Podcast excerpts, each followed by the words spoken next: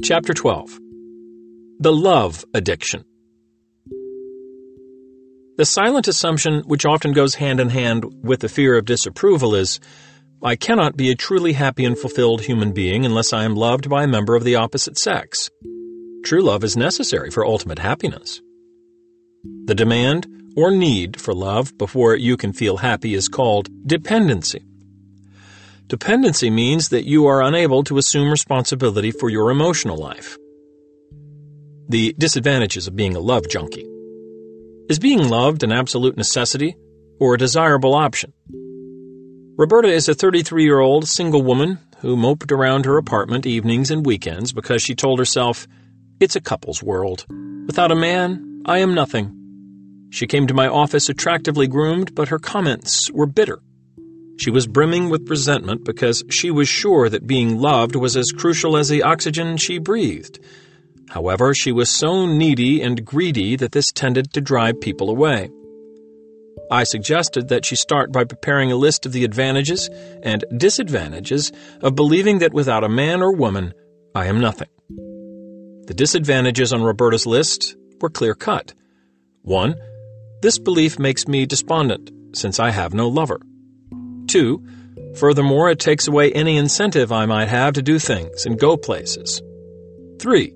It makes me feel lazy. 4. It brings on a sense of self pity. 5. It robs me of self pride and confidence and makes me envious of others and bitter. 6. Finally, it brings on self destructive feelings and a terrible fear of being alone. Then she listed what she thought were the advantages of believing that being loved was an absolute necessity for happiness. 1. This belief will bring me a companion, love, and security. 2. It will give purpose to my life and a reason to live. 3. It will give me events to look forward to. These advantages reflected Roberta's belief that telling herself she couldn't live without a man would somehow bring a companion into her life. Were these advantages real or imaginary. Although Roberta had believed for many years that she couldn't exist without a man, this attitude still hadn't brought a desirable mate. She admitted that making men so totally important in her life was not the magic charm that would bring one to her doorstep. She acknowledged that clinging and dependent individuals often demand so much attention from other people and appear so needy that they have great difficulty not only initially attracting people of the opposite sex, but also maintaining an ongoing relationship. Roberta was able to grasp the idea that people who have found happiness within themselves are usually the most desirable to members of the opposite sex and become like magnets because they are at peace and generate a sense of joy. Ironically, it is usually the dependent woman, the manaholic, who ends up alone. This really isn't so surprising. If you take the position you need someone else for a sense of worth, you broadcast the following Take me, I have no inherent worth, I can't stand myself. No wonder there are so few buyers. Of course, your unstated demand does not endear people to you either. Since you're obliged to love me, you're rotten shit if you don't. You may cling to your dependency because of your erroneous notion that if you do not achieve independence, Others will see you as a rejecting person and you will end up alone. If this is your fear, you are equating dependency with warmth. Nothing could be farther from the truth. If you are lonely and dependent, your anger and resentment stem from the fact that you feel deprived of the love you believe you are entitled to receive from others. This attitude drives you farther into isolation. If you are more independent, you are not obliged to be alone you simply have the capacity to feel happy when you are alone. The more independent you are, the more secure you will be in your feelings. Furthermore, your moods will not go up and down at someone else's mercy. After all, the amount of love that someone can feel for you is often quite unpredictable. They may not appreciate everything about you, and they may not act in an affectionate way all the time. If you are willing to learn to love yourself, you will have a far more dependable and continuous source of self esteem. The first step is to find out if you want independence. All of us have a much greater chance of achieving our goals if we understand what they are. It helped Roberta to realize that her dependency was condemning her to an empty existence. If you are still clinging to the notion that it is desirable to be dependent, List the advantages using the double column technique. Spell out how you benefit if you let love determine your personal worth. Then, in order to assess the situation objectively, write down the counterarguments or rational responses in the right hand column. You may learn that the advantages of your love addiction are partially or totally illusory. Figure 12.1, which you can find on the enhancement, shows how a woman with a problem similar to Roberta's assessed these issues. This written exercise motivated her to look within herself for what she had been seeking in others, and enabled her to see that her dependency was the real enemy because it incapacitated her. Perceiving the difference between loneliness and being alone. As you read the previous section, you may have concluded that it would be to your advantage if you could learn to regulate your moods and find happiness within yourself. This would give you the capacity to feel as alive when you are alone as when you are with someone you love. But you may be thinking, that all sounds well and good, Dr. Burns, but it is not realistic. The truth is that it is undeniably emotionally inferior to be alone. All my life I have known that love and happiness are identical, and all my friends agree. You can philosophize until you're blue in the face, but when it comes down to the bottom line, love is where it's at, and being alone is a curse. In fact, many people are convinced that love makes the world go around. You see this message in ads, you hear it in popular songs, you read it in poems. You can, however, convincingly disprove your assumption that love is necessary before you can experience happiness. Let's take a hard look at the equation. Alone equals lonely. Consider first that we get many of life's basic satisfactions by ourselves. For example, when you climb a mountain, pick a flower, read a book, or eat a hot fudge sundae, you do not require someone else's company for these experiences to be enjoyable. A physician can enjoy the satisfaction of treating a patient, whether or not he and the patient are involved in a meaningful personal relationship. When writing a book, an author is generally by himself or herself. As most students know, you do most of your learning when you are alone. The list of pleasures and satisfactions that you can enjoy when alone is endless. This indicates that many sources of gratification are accessible to you whether or not you are with someone else. Can you add to that list? What are some pleasures that you can have alone? Do you ever listen to good music on your stereo? Do you enjoy gardening? jogging, carpentry, hiking. A lonely bank teller named Janet, who was recently separated from her husband, enrolled in a creative dancing class and found, to her surprise, that she could derive enormous pleasure from practicing by herself at home. As she became caught up in the rhythm of the movements, she felt at peace with herself, in spite of the fact that she had no one to love. Perhaps you're thinking now, oh, Dr. Burns, is that your point? Well, it's trivial. Of course, I can experience temporary moments of mediocre distraction by doing things when I'm alone. This might take the edge off the blues, but those things are just some crumbs from the table that might keep me from starving totally. I want the banquet, the real thing, love, true and complete happiness. That was exactly what Janet told me before she enrolled in the dancing class. Because she assumed it was miserable to be alone, it hadn't occurred to her to do enjoyable things and care for herself during the separation from her husband. She had been living according to a double standard whereby if she was with her husband, she would go to great lengths to plan pleasurable activities.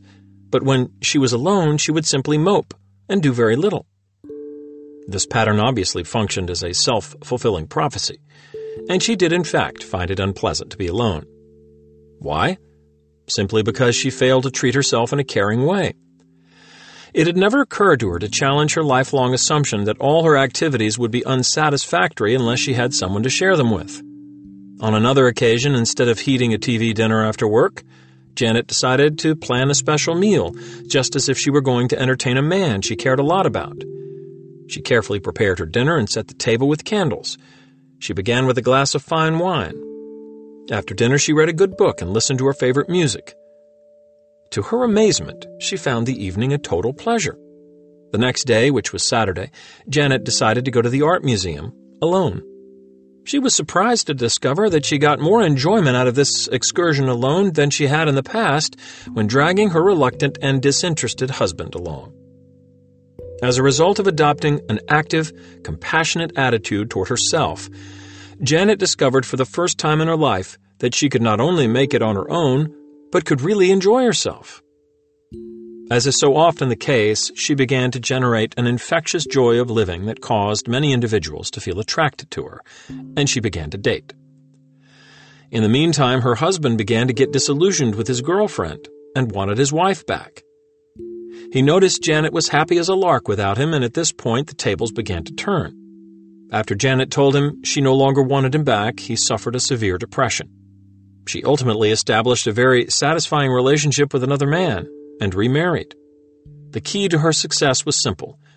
As a first step, she proved that she could develop a relationship with herself. After this, the rest was easy. The pleasure predicting method. I don't expect you to rely on my word on this topic, or even on the reports of others like Janet who have learned how to experience the joys of self reliance. Instead, I propose you perform a series of experiments, just as Janet did to test out your belief that being alone is a curse.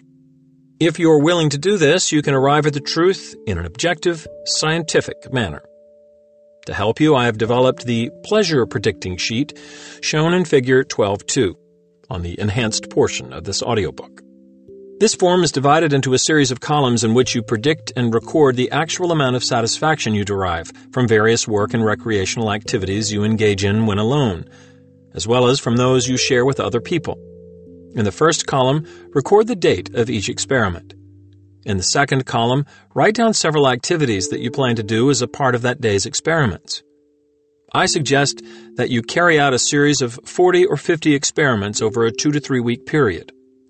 Choose activities that would ordinarily give you a sense of accomplishment or pleasure, or which have the potential for learning or personal growth.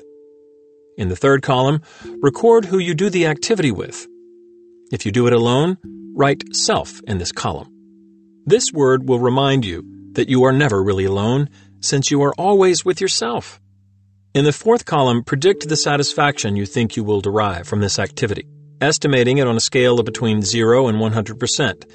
The higher the number, the greater the anticipated satisfaction. Fill in the fourth column before you do each planned activity, not after.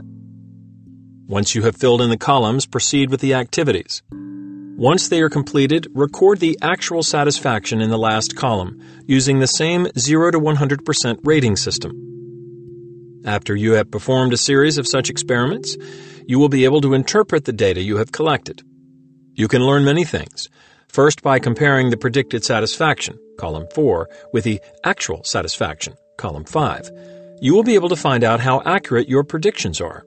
You may find that you typically underestimate the amount of satisfaction you anticipate experiencing, especially when doing things alone. You might also be surprised to learn that activities with others are not always as satisfying as anticipated. In fact, you may even find that there are many times when it was more enjoyable to be alone, and you might discover that the highest ratings you received when you were alone were equal to or higher than those for activities involving others. It can be helpful to compare the amount of satisfaction you derived from work activities versus pleasurable activities. This information can help you achieve an optimal balance between work and fun as you continue to plan your activities.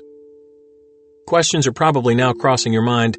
Suppose I do something and it isn't as satisfying as I predicted. Or suppose I make a low prediction and it really comes out that way. In this case, try to pinpoint the automatic negative thoughts that dampen the experience for you. Then talk back to these thoughts. For example, a lonely 65 year old woman whose children were all grown and married decided to enroll in an evening course. All the other students were of college freshman age. She felt tense the first week of classes because of her thought, they probably think I'm an old bag with no right to be here. When she reminded herself she had no idea what the other students thought of her, she felt some relief. After talking to another student, she found out that some of them admired her gumption. She then felt much better, and her satisfaction levels began to climb. Now let's see how the pleasure predicting sheet can be used to overcome dependency.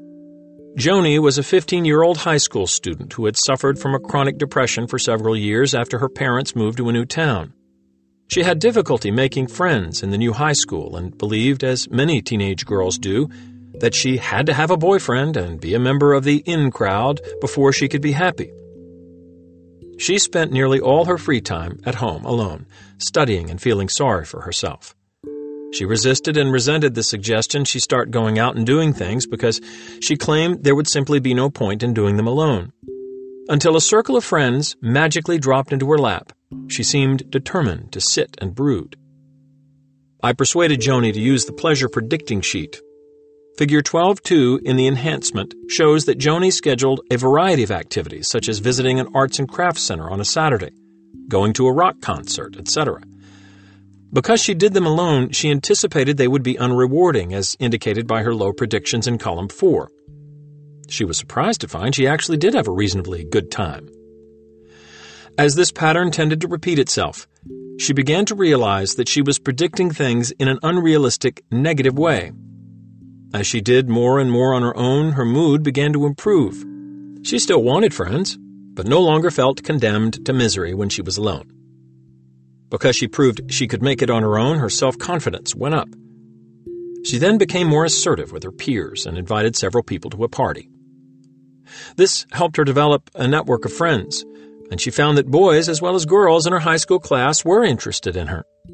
Joni continued to use the pleasure predicting sheet to evaluate the levels of satisfaction she experienced in dates and activities with her new friends. She was surprised to find that they were comparable to the enjoyment levels she experienced in doing things alone. There is a difference between wanting and needing something. Oxygen is a need, but love is a want. I repeat, love is not an adult human need.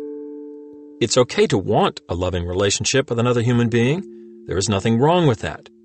It is a delicious pleasure to be involved in a good relationship with someone you love.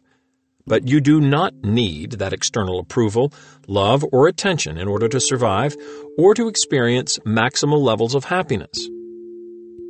Attitude modification. Just as love, companionship, and marriage are not necessary for happiness and self esteem, they are not sufficient either. The proof of this is the millions of men and women who are married and miserable. If love were the antidote to depression, then I would soon be out of business because the vast majority of the suicidal individuals I treat are in fact loved very dearly by their spouses, children, parents, and friends. Love is not an effective antidepressant. Like tranquilizers, alcohol, and sleeping pills, it often makes the symptoms worse. In addition to restructuring your activities more creatively, challenge the upsetting negative thoughts that flow through your mind when you are alone.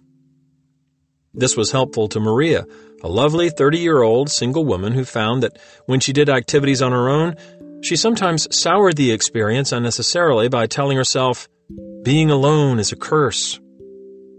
In order to combat the feelings of self pity and resentment this thought created, she wrote a list of counterarguments, which can be found in Figure 12.3 on the enhancement. She reported this was very helpful in breaking the cycle of loneliness and depression.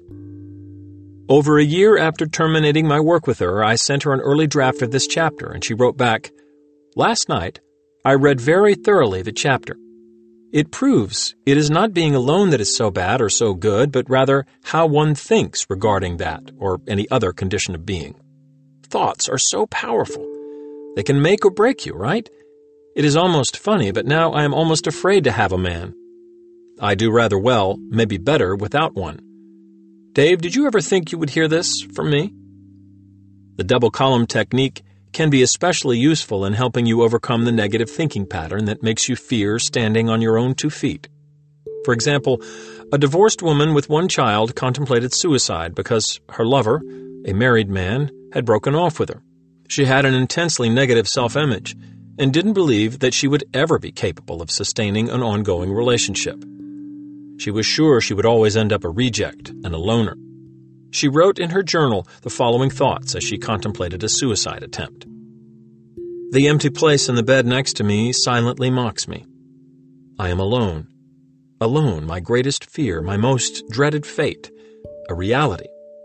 I am a woman alone. And in my mind, that means I am nothing.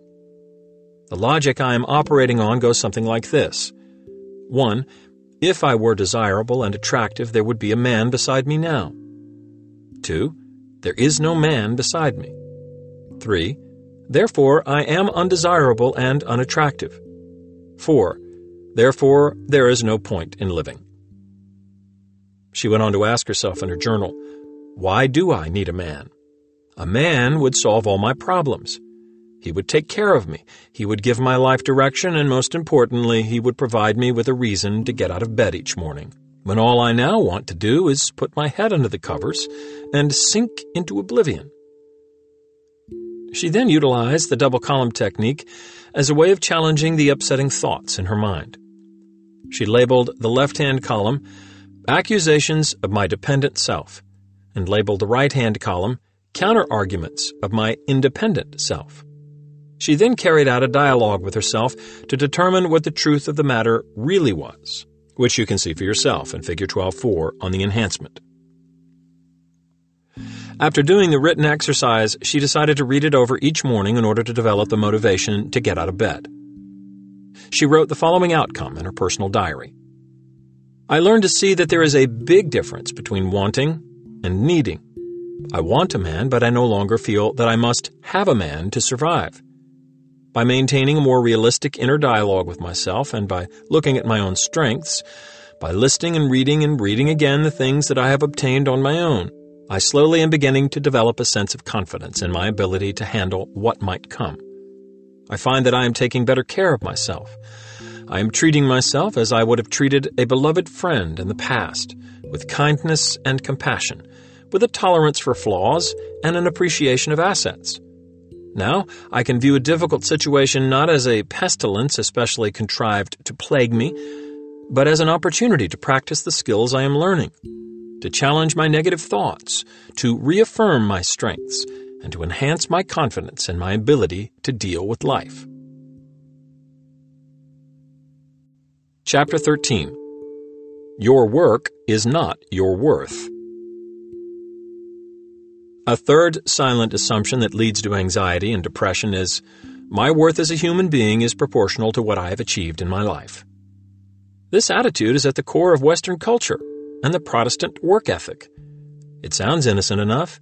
In fact, it is self defeating, grossly inaccurate, and malignant. Ned, the physician described in earlier chapters, called me at home one recent Sunday evening. He had been feeling panicky all weekend. His upset was triggered by plans to attend the 20th reunion of his college class. He graduated from an Ivy League college. He had been invited to give the keynote address to the alumni. Why was Ned in such a state of apprehension? He was concerned that he might meet up with some classmate at his reunion who had achieved more than he had. He explained why this was so threatening. It would mean I was a failure. Ned's exaggerated preoccupation with his achievements is particularly common among men. While women are not immune to career concerns, they are more likely to be depressed after the loss of love or approval. Men, in contrast, are especially vulnerable to concerns about career failure because they've been programmed from childhood to base their worth on their accomplishments. The first step in changing any personal value is to determine if it works more to your advantage or disadvantage. Deciding that it will not really help you to measure your worth by what you produce is the crucial first step in changing your philosophy. Let's begin with a pragmatic approach, a cost benefit analysis. Clearly, there can be some advantage to equating your self esteem with your accomplishments. In the first place, you can say, I'm okay and feel good about yourself when you have achieved something. For example, if you win a golf game, you can pat yourself on the back and feel a little smug and superior to your partner because he missed his putt on the last hole. When you go jogging with a friend and he runs out of breath before you do, you can puff up with pride and tell yourself, he's a good guy for sure, but I'm just a little better. When you make a big sale at work, you can say, I'm producing today, I'm doing a good job, my boss will be pleased, and I can respect myself. Essentially, your work ethic allows you to feel you've earned personal worth and the right to feel happy. This belief system may make you especially motivated to produce. You might put extra effort into your career because you're convinced this will give you extra worthiness units, and you will therefore see yourself as a more desirable person. You can avoid the horrors of being just average. In a nutshell, you may work harder to win, and when you win, you may like yourself better. Let's look at the other side of the coin. What are the disadvantages of your philosophy of worth equals achievement? First, if your business or career is going well, you may become so preoccupied with it that you may inadvertently cut yourself off from the other potential sources of satisfaction and enjoyment as you slave away from early morning to late night. As you become more and more of a workaholic, you will feel excessively driven to produce because if you fail to keep up the pace, you will experience a severe withdrawal, characterized by inner emptiness and despair. In the absence of achievement, you'll feel worthless and bored because you'll have no other basis for self respect and fulfillment.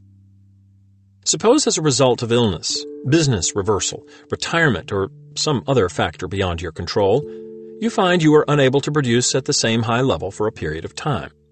Now you may pay the price of a severe depression triggered by the conviction that because you are less productive, it means you are no good.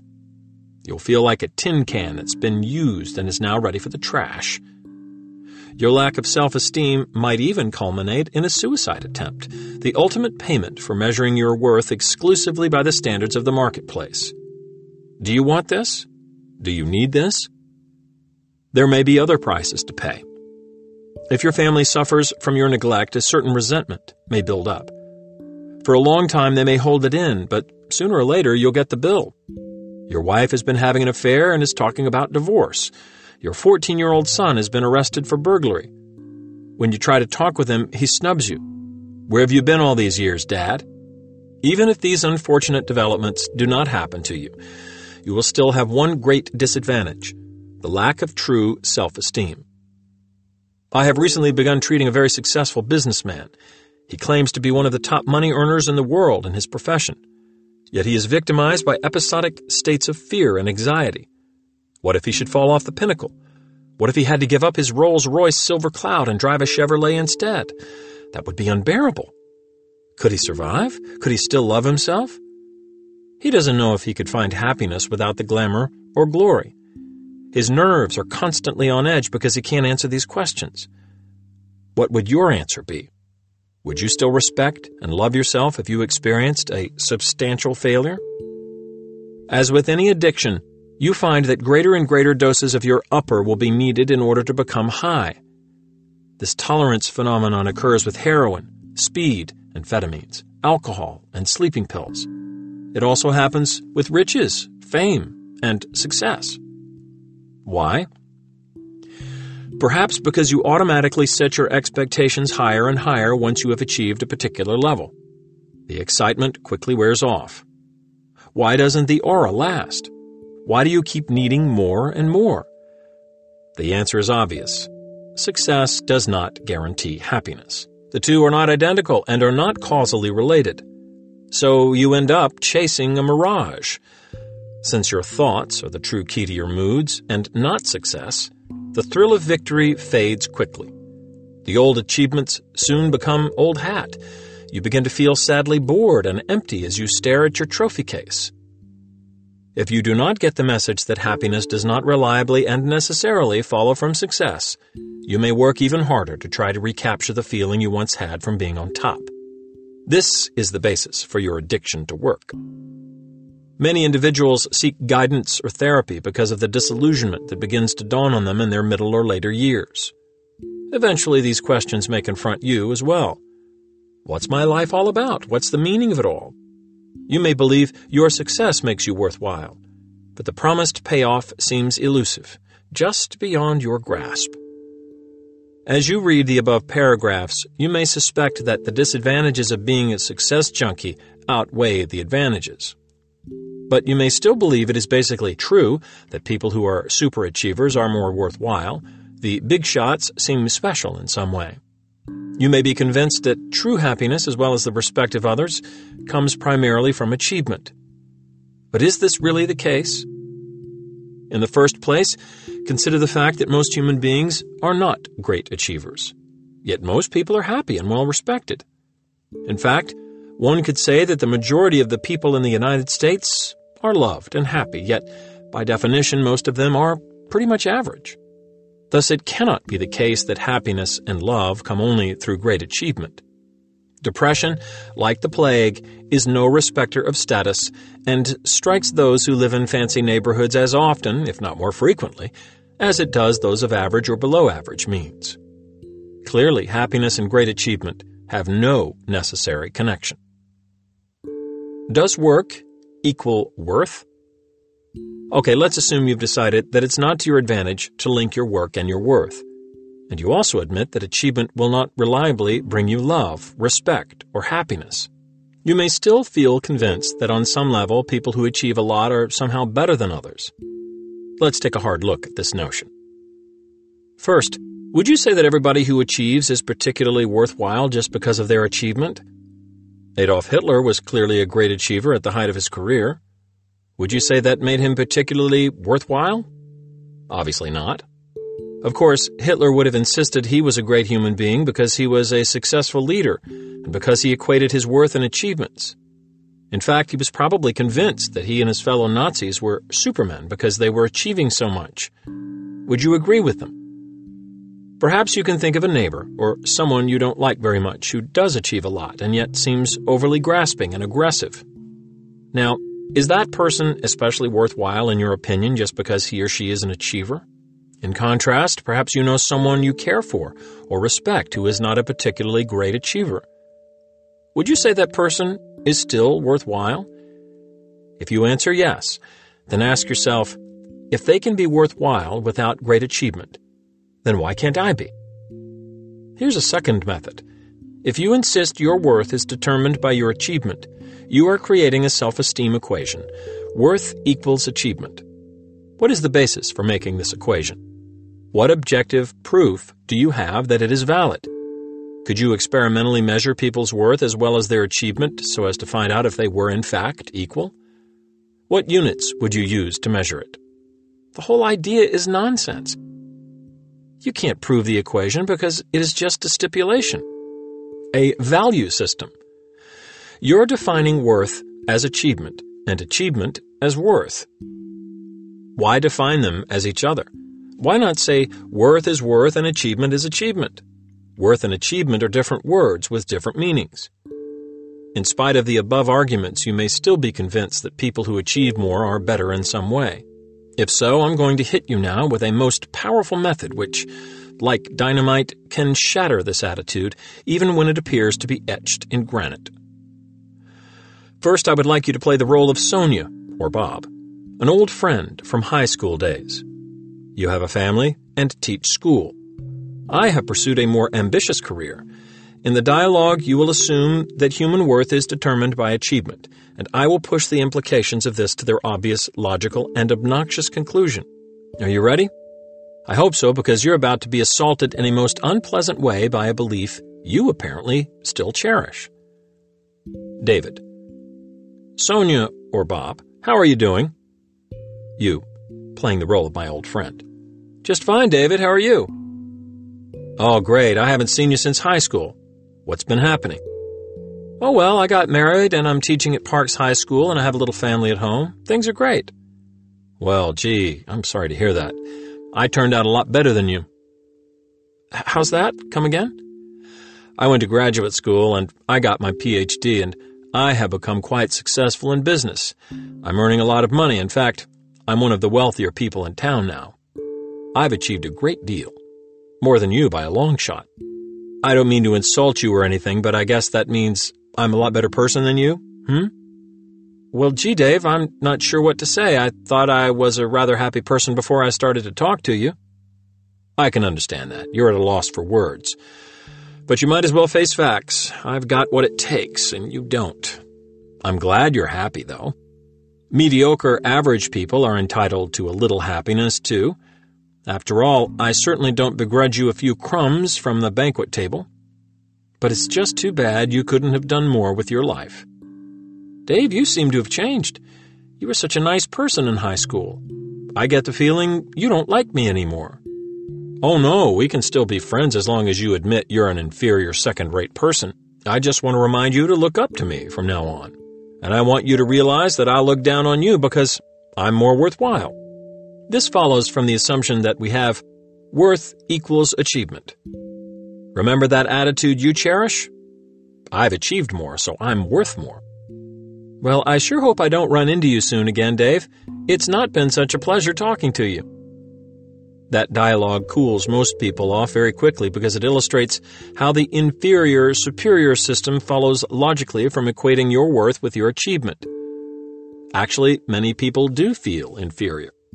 The role playing can help you see how ludicrous the assumption is. In the above dialogue, who was acting jerky? The happy housewife school teacher or the arrogant businessman trying to make a case that he was better than other people? I hope this imaginary conversation will help you see clearly how screwball the whole system is.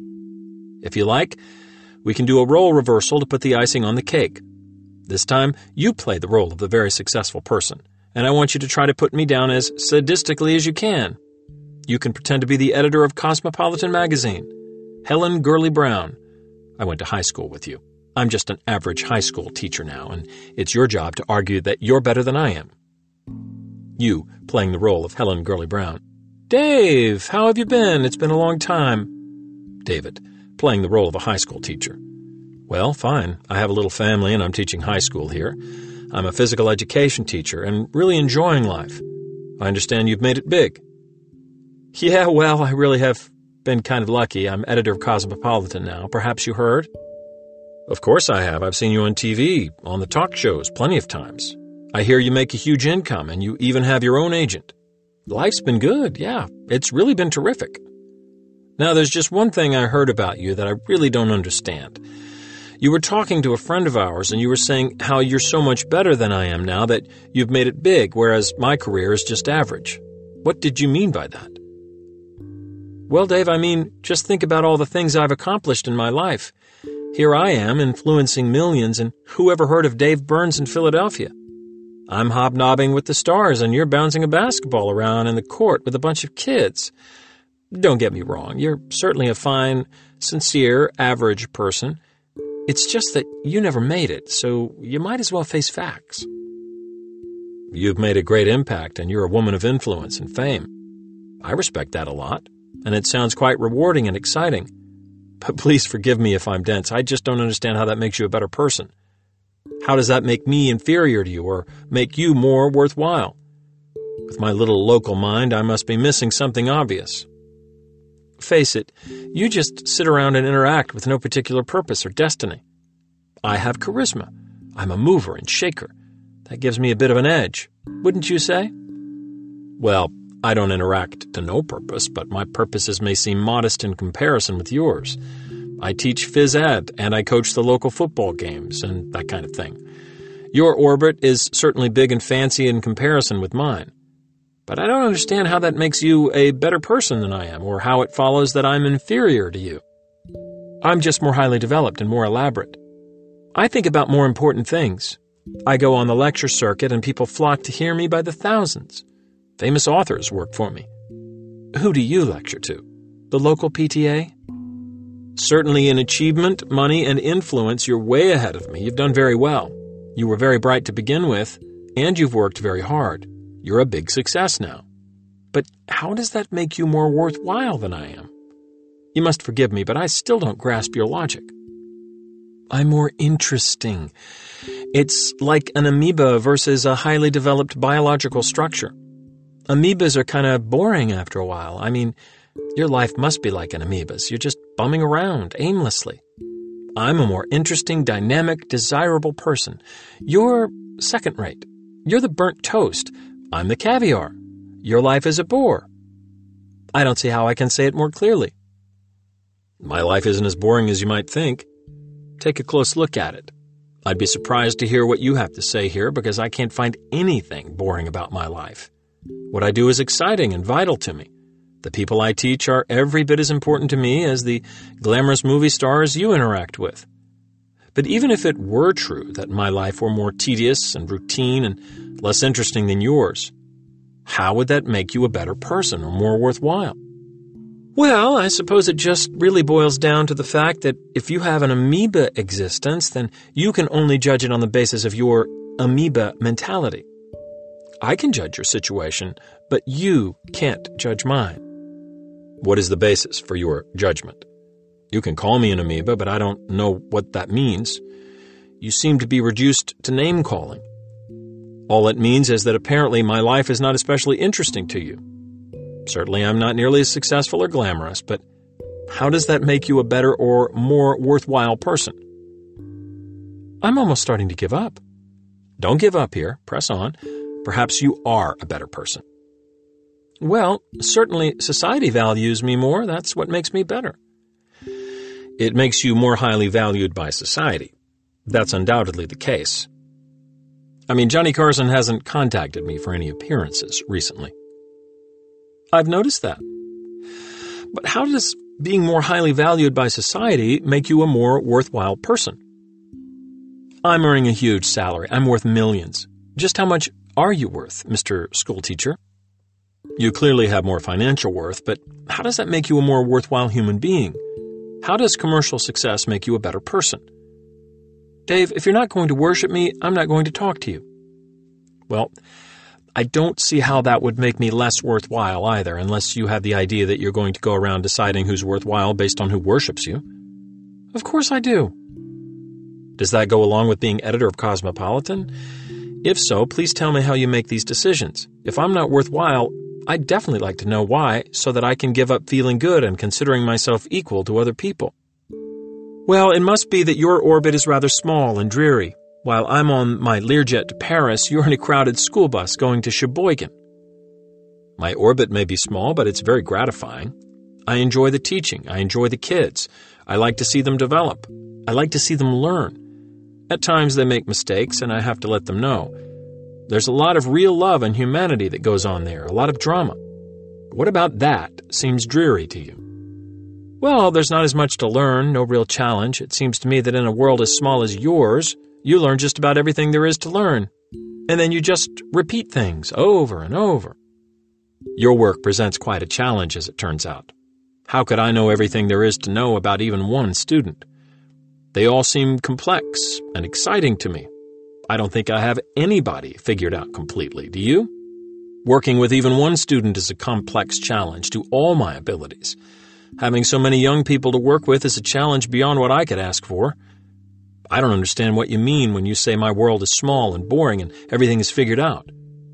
Well, it just seems to me that you are unlikely to run into many people in your world who are going to develop as highly as I have. I don't know. Some of my students have high IQs and may develop the same way you did, and some of them are mentally subnormal and will only develop to a modest level. Most are average, and each one is fascinating to me. What did you mean when you said they were boring? Why is it that only the great achievers are interesting to you? I give in, Uncle. I hope you did, in fact, give in when you played the role of the successful snob. The method I used to thwart your claim you were better than I was quite simple. Whenever you claimed you were a better or more worthy person because of some specific quality such as intelligence, influence, status, or whatever, I immediately agreed with you that you are better in that particular quality, or set of qualities. And then I asked you, but how does that make you a better or more worthwhile person? This question cannot be answered. It will take the wind out of the sails of any system of values that sets some people up as being superior to others. The technical name for this method is operationalization. In it, you must spell out just what quality makes anyone more or less worthwhile than anyone else. You can't do it. Of course, other people would rarely think or say such insulting things to you as were said in the dialogues. The real put down goes on in your head. You are the one who's telling yourself your lack of status or achievement or popularity or love, etc., makes you less worthwhile and desirable. So you're the one who's going to have to put an end to the persecution. You can do this in the following way carry on a similar dialogue with yourself. Your imaginary opponent, who we'll name the persecutor, will try to argue that you are inherently inferior or less worthwhile because of some imperfection or lack. You simply assertively agree with the grain of truth in his criticism, but raise the question of how it follows that you are less worthwhile. Here are several examples. 1. Persecutor. You're not a very good lover. Sometimes you don't even get a firm erection. This means you're less of a man and an inferior person. You. It certainly shows that I'm nervous about sex and not a particularly skilled or confident lover. But how does this make me less of a man or less of a person? Since only a man can feel nervous about an erection, this would seem to be an especially manly experience. Doing it well makes you more of a man. Furthermore, there's a great deal more to being a man than just having sex. 2. Persecutor. You're not as hardworking or as successful as most of your friends. You're lazy and no good. You. This means I'm less ambitious and hardworking. I may even be less talented, but how does it follow that I'm lazy and no good? 3. Persecutor. You're not worth much because you're not outstanding in anything. You. I agree that I don't hold a single world championship. I'm not even second best at anything. In fact, at most things, I'm pretty much average. How does it follow that I'm not worth much? 4. Persecutor. You're not popular, and you don't even have many close friends, and no one cares about you much. You have no family and not even any casual lovers, so you're a loser. You're an inadequate person. There's obviously something wrong with you. You're worthless. You. It's true, I have no lover at this time, and there are just a few friends I feel close to. How many do I need to be an adequate person? Four? Eleven? If I'm not popular, it may be that I'm relatively unskilled socially, and I may have to work harder at this. But how does it follow that I'm a loser? Why am I worthless? I suggest you try out the method illustrated above. Write down the worst persecutory insults you can level at yourself and then answer them. It may be hard at first, but eventually the truth will dawn on you. You can be imperfect, or unsuccessful, or unloved by others, but not one iota less worthwhile. Four paths to self esteem. You might ask, how can I attain self esteem if my worth doesn't come from my success, or from love, or approval? If you peel all these criteria away one by one and expose them as invalid bases for personal worth, it seems there will be nothing left. Just what is it that I have to do? Here are four valid paths to self esteem. Choose the one that seems most useful to you. The first path is both pragmatic and philosophical. Essentially, you must acknowledge that human worth is just an abstraction, it doesn't exist. Hence, there is actually no such thing as human worth. Therefore, you cannot have it or fail to have it, and it cannot be measured. Worth is not a thing, it is just a global concept. It is so generalized it has no concrete practical meaning. Nor is it a useful and enhancing concept. It is simply self defeating. It doesn't do you any good. It only causes suffering and misery. So, rid yourself immediately of any claim to being worthy, and you'll never have to measure up again, or fear being worthless. Realize that worthy and worthless are just empty concepts when applied to a human being like the concept of your true self. Your personal worth is just meaningless hot air. Dump your worth in the garbage can. You can put your true self in there too if you like. You'll find you've got nothing to lose. Then you can focus on living in the here and now instead. What problems do you face in life? How will you deal with them? That's where the action is, not in the elusive mirage of worth. You may be afraid to give up your self or your worth. What are you afraid of? What terrible thing will happen? Nothing. The following imaginary dialogue may make this clearer. Let's assume that I am worthless. I want you to rub it in and try to make me feel upset. You. Burns, you're worthless. David. Of course I'm worthless. I fully agree. I realize that there is nothing about me that makes me worthy. Love, approval, and achievement can't give me any worth, so I'll accept the fact that I have none. Should this be a problem for me? Is something bad going to happen now? Well, you must be miserable. You're just no good. Assuming I am no good, so what? What specifically do I have to be miserable about?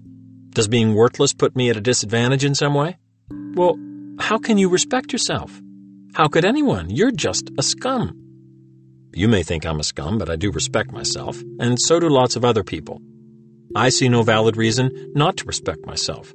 You may not respect me, but I don't see that as a problem. But worthless people can't be happy or have any fun. You're supposed to be depressed and despicable. My panel of experts met and determined that you're a total zero. So call the papers and let them know. I can see the headline Philadelphia physician found to be worthless.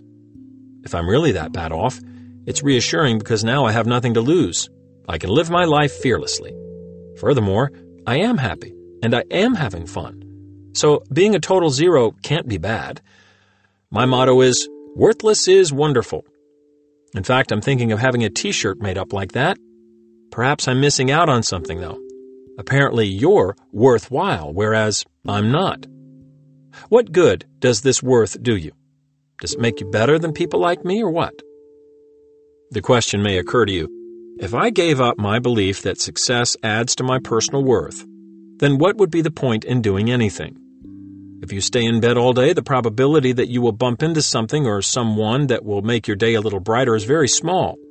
Furthermore, there can be enormous satisfactions from daily living that are totally independent of any concept of personal worth. For example, as I am writing this, I feel very turned on, but it isn't due to my belief that I am particularly worthwhile because I'm writing it. The exhilaration comes from the creative process, pulling ideas together, editing, watching clumsy sentences sharpen up, and wondering how you will react when you read this. This process is an exciting adventure. Involvement, commitment, and taking a risk can be quite stimulating. This is an adequate payoff, to my way of thinking. You might also wonder what is the purpose and meaning of life without a concept of worth? It's simple. Rather than grasp for worth, aim for satisfaction, pleasure, learning, mastery, personal growth, and communication with others every day of your life. Set realistic goals for yourself and work toward them. I think you will find this so abundantly gratifying, you'll forget all about worth, which in the last analysis has no more buying power than fool's gold. But I'm a humanistic or spiritual person, you might argue. I've always been taught that all human beings have worth, and I just don't want to give up this concept. Very well. If you want to look at it that way, I'll agree with you. And this brings us to the second path to self esteem. Acknowledge that everyone has one unit of worth from the time they are born until the time they die. As an infant, you may achieve very little, and yet you are still precious and worthwhile. And when you are old or ill, relaxed or asleep, or just doing nothing, you still have worth. Your unit of worth can't be measured and can never change, and it is the same for everyone. During your lifetime, you can enhance your happiness and satisfaction through productive living, or you can act in a destructive manner and make yourself miserable. But your unit of worth is always there, along with your potential for self esteem and joy. Since you can't measure it or change it, there is no point in dealing with it or being concerned about it. Leave that up to God. Paradoxically, this solution comes down to the same bottom line as the previous solution. It becomes pointless and irresponsible to deal with your worth, so you might as well focus on living life productively instead. What problems do you confront today? How will you go about solving them? Questions such as these are meaningful and useful, whereas rumination about your personal worth just causes you to spin your wheels.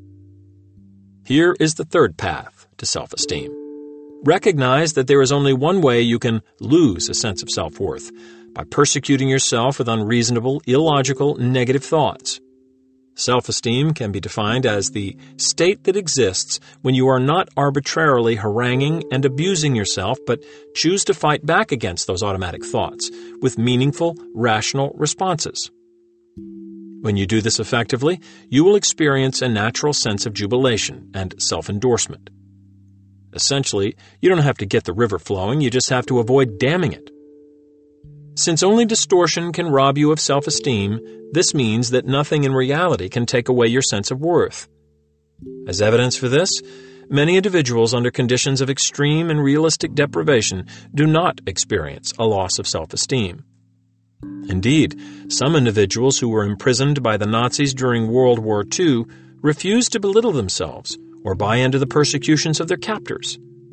They reported an actual enhancement of self esteem in spite of the miseries they were subjected to, and in some cases described experiences of spiritual awakening.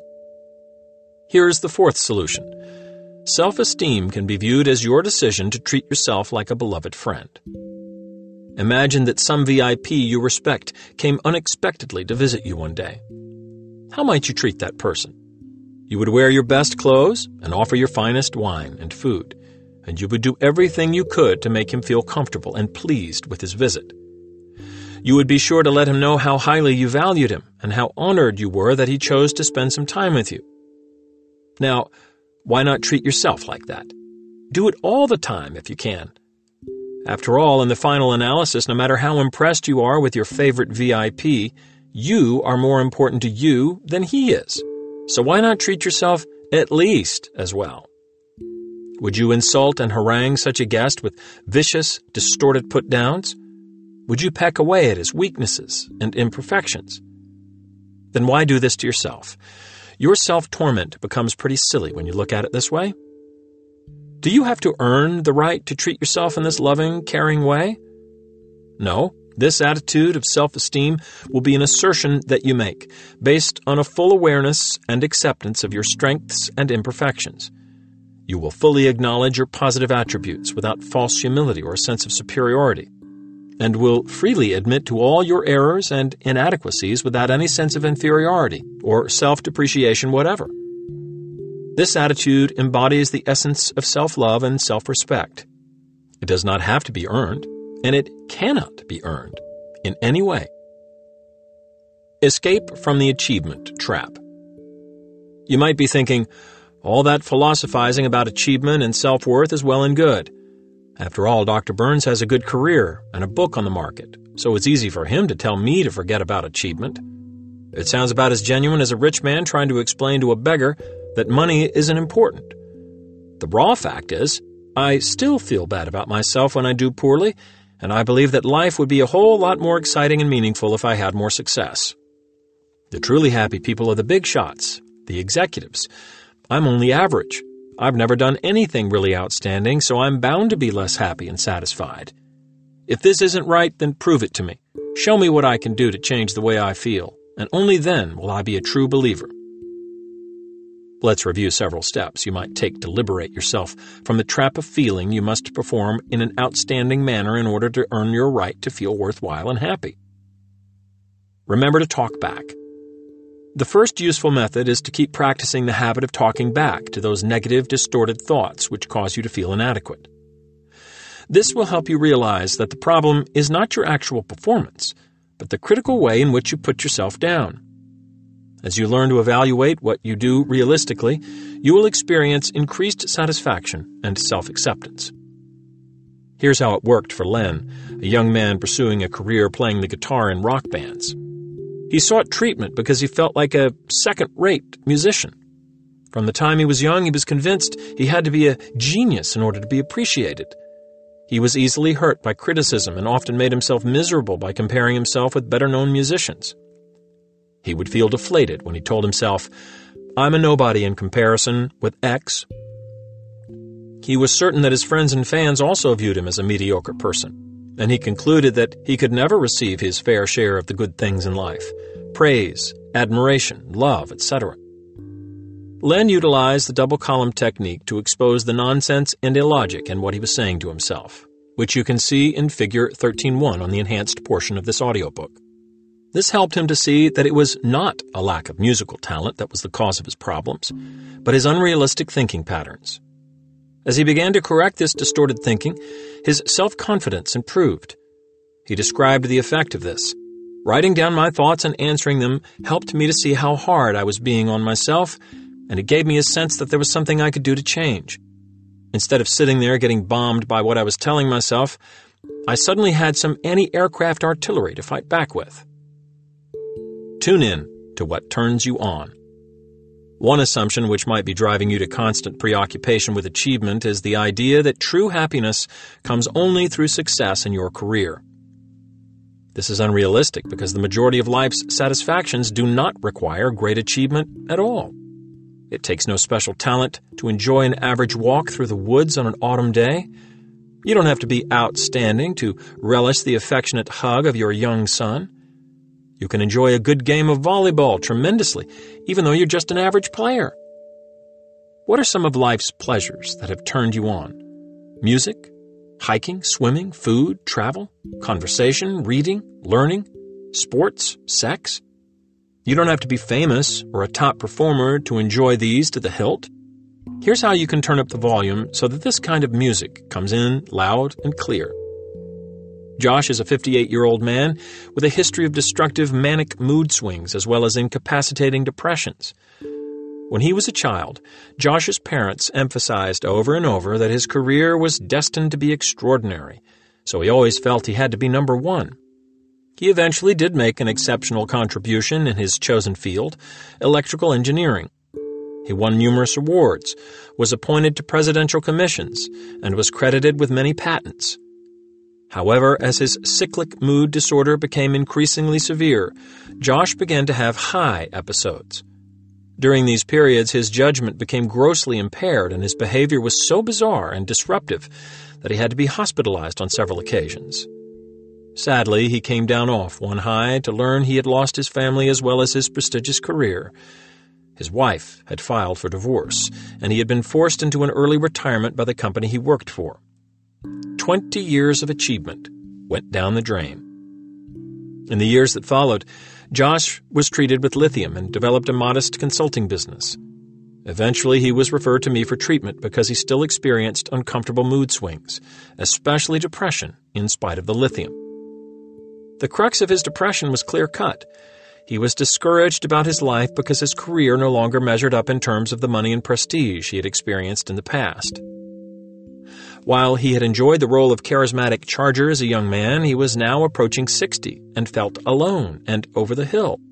Because he still believed the only way to true happiness and personal worth was through superlative creative achievements, he felt certain that his constricted career and modest lifestyle made him second rate.